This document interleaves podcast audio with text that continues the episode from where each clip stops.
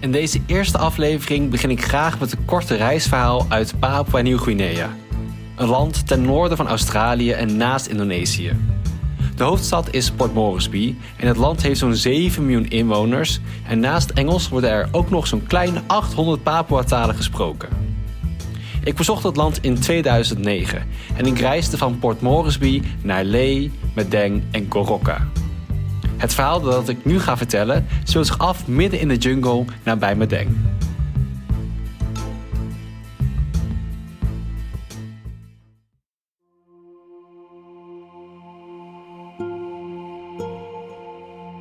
Een reiservaring in de hemelse jungle.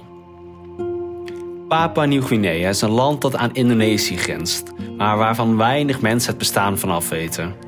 Toch is een bezoekje aan de Papuaanse jungle echt de moeite waard. Vergeet alleen geen klamboe mee te nemen, evenals een voedselpakket, een zaklamp, zeep en oh ja, bijna vergeten, malaria-pillen. Oh, en wc-papier hoef je trouwens niet mee te nemen, want dat is echt een overbodige luxe.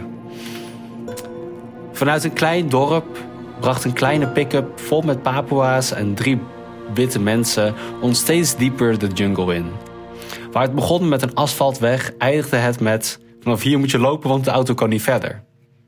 Gelukkig stond de halve volksstam ons al op te wachten en te begroeten. En uiteindelijk waren onze rugzakken nog eerder in het dorp dan wij zelf. Het stamhoofd vermeldde met veel trots dat wij in het nieuwste huis mochten overnachten en dat een zeer goede gastvrouw en gastheer zouden krijgen. Ons huis, beter gezegd een hut op palen, bestond uit een bamboevloer waar je doorheen kon kijken en uit een riet, met een rieten dak waarvan alles ritselde. Drie dekens lagen op de grond gespreid. En één voor mij, één voor mijn zus en één voor mijn moeder. En dat waren onze bedden. Onze gastvrouw liet vervolgens het toiletgebouw zien dat even verderop buiten de bosjes eh, was verscholen. In dat hokje was een groot gat gegraven waar wat donkers in lag en de geur hoef ik denk ik niet te beschrijven. We kregen verder een korte rondleiding door het dorp, ontmoetten de medicijnman en bekeken de school en ook nog eens de begraafplaats. Ik was benieuwd hoe vaak de kinderen van onze gastvrouw naar de school gingen. En hierop kreeg ik als antwoord dat ze eigenlijk geen idee hadden of hun kinderen überhaupt naar school gingen. Aan het eind van de dag kregen wij hun dagelijkse kost voorgeschoteld. Zoete aardappelen, ook wel kou-kou genoemd. Op zich was het beste eten, maar het feit dat je maar twee aardappels krijgt zorgt er niet voor dat je meteen vol zit, maar ik wil natuurlijk niet klagen. Na het eten gingen we gezellig zingen met de gastheer. Het kan zijn dat hij een Fender-gitaar in zijn handen had, maar het kan ook zijn dat hij hem zelf had gemaakt met van wat palmhout en elastiekjes. Ik had geen idee. Na zijn klankenconcert aten wij nog stiekem wat crackers die mijn moeder nog in haar rugzak vond en liepen we naar buiten naar de wc. Mijn moeder wilde per se als eerste, maar na nog in drie tellen kwam ze naar buiten gerend.